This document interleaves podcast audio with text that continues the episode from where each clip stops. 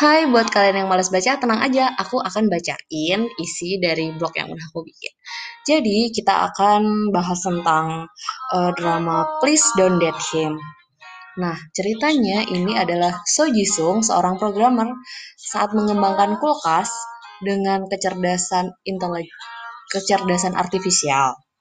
Niat awalnya, kulkas itu dirancang untuk memberikan saran menu untuk dimasak berdasarkan isi kulkas tersebut. Eh, Kok malah si kulkas bisa akses informasi pribadi orang? Pusing dong si Jisung.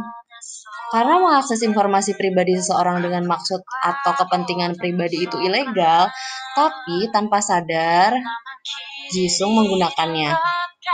Si kulkas Si Tuan Janggo membuat Jisung membatalkan pernikahannya karena si kulkas memunculkan informasi pribadi tunangannya si Tuan Janggo itu atau si kulkas menyelamatkan dia dari laki yang salah.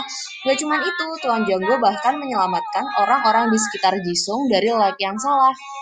Alur tema dari drama ini komedi romantis. Terus drama ini cuma 10 episode.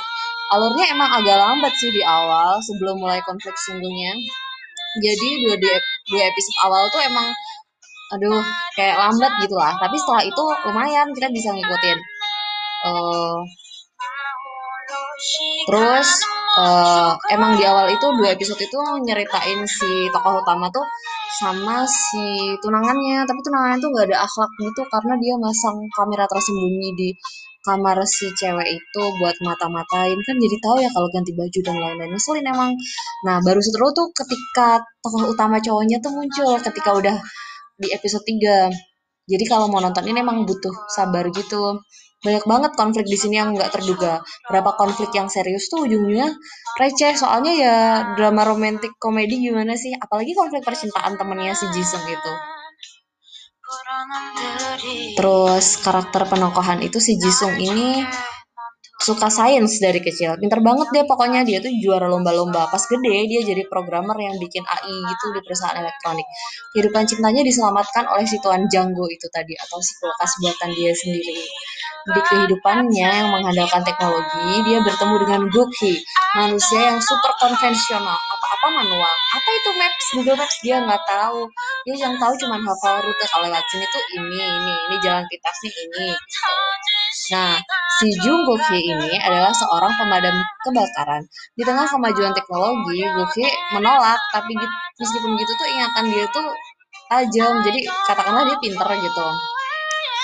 Jadi sebenarnya alasan Gokhi menghindari teknologi yang memudahkan ini tuh ada set story di baliknya. Jadi kalau yang mau tahu nonton aja deh. Kalau aku bacain jadi spoiler. Nah, di sini tuh selain mereka berdua tuh sahabatnya si Jisung tuh ada couple-couple gitu. Yang paling aku suka tuh si Moon Yeso sama Han Yujin. Mereka tuh kocak. Uh, awal ketemunya tuh sebelah-sebelahan. Tapi pas Yesul tahu kalau si dokter gigi itu ganteng, dia jadi rajin kontrol gigi. Terus akhirnya dia tuh jadian gitu habis jadian yang aneh itu adalah kebiasaan Yojin ini yang tiba-tiba hilang bener-bener hilang gitu. Dan izinnya ke kamar mandi terus tiba-tiba di tengah kencan hilang gitu. Pusing nggak punya pacar kayak gitu. Pusing lah. Uh, tadi salah ini yang aku putar nih sebagai background itu salah satu soundtracknya yang paling enak menurut aku. Nah kita juga punya kita putar lagi aja karena aku seneng terus ada couple satu lagi itu Tak Ki-hyun sama Kim Sang-sik. Kalau mereka ini udah nikah, cuman mereka tuh mengupayakan punya anak. Tapi kayak ada pembatas di antara mereka. Nah, ini yang bikin sedih di awal gitu. Tapi ternyata ini ada surprise dari si cowok. Kerjanya di luar pikiran kita deh. Nah, jadi sebenarnya drama ini tuh bagus. Cuman emang di awal tuh lambat, tapi habis itu banyak ubunya kok. Bahkan beberapa tuh ada adegan yang bikin, "Ya Allah, gitu banget," gitu loh. Bikin deg-degan gitu. Nah, kadang kita tuh nonton drama tuh kan lihat case-nya yang terkenal, tapi khusus drama ini tuh emang case-nya tuh nggak begitu sering main drama. Jadi pas aku cek tuh mereka cuma main di beberapa drama sebagai peran pendukung aja. Buat ceritanya lumayan bisa dinikmati. Pas lucu ya ketawa apalagi pas romantis itu deg-degan. Tapi ya yang unik dari drama ini tuh penokohannya tuh pada punya rahasia gitu. Ternyata dia tuh nggak gini ternyata dia tuh ini gitu. Tapi lucu. Rekomen lah buat nonton buat ditonton gitu kalau kita lagi nggak ada tontonan yang pengen ditonton. Nah uh, yang udah dengerin atau baca blog ini bisa klik di akhir postingan aku ini di situ kita sebenarnya juga ada daily update kita lewat Instagram. Nah nanti di situ kemarin kita udah update tentang kayak besin besinnya gitu.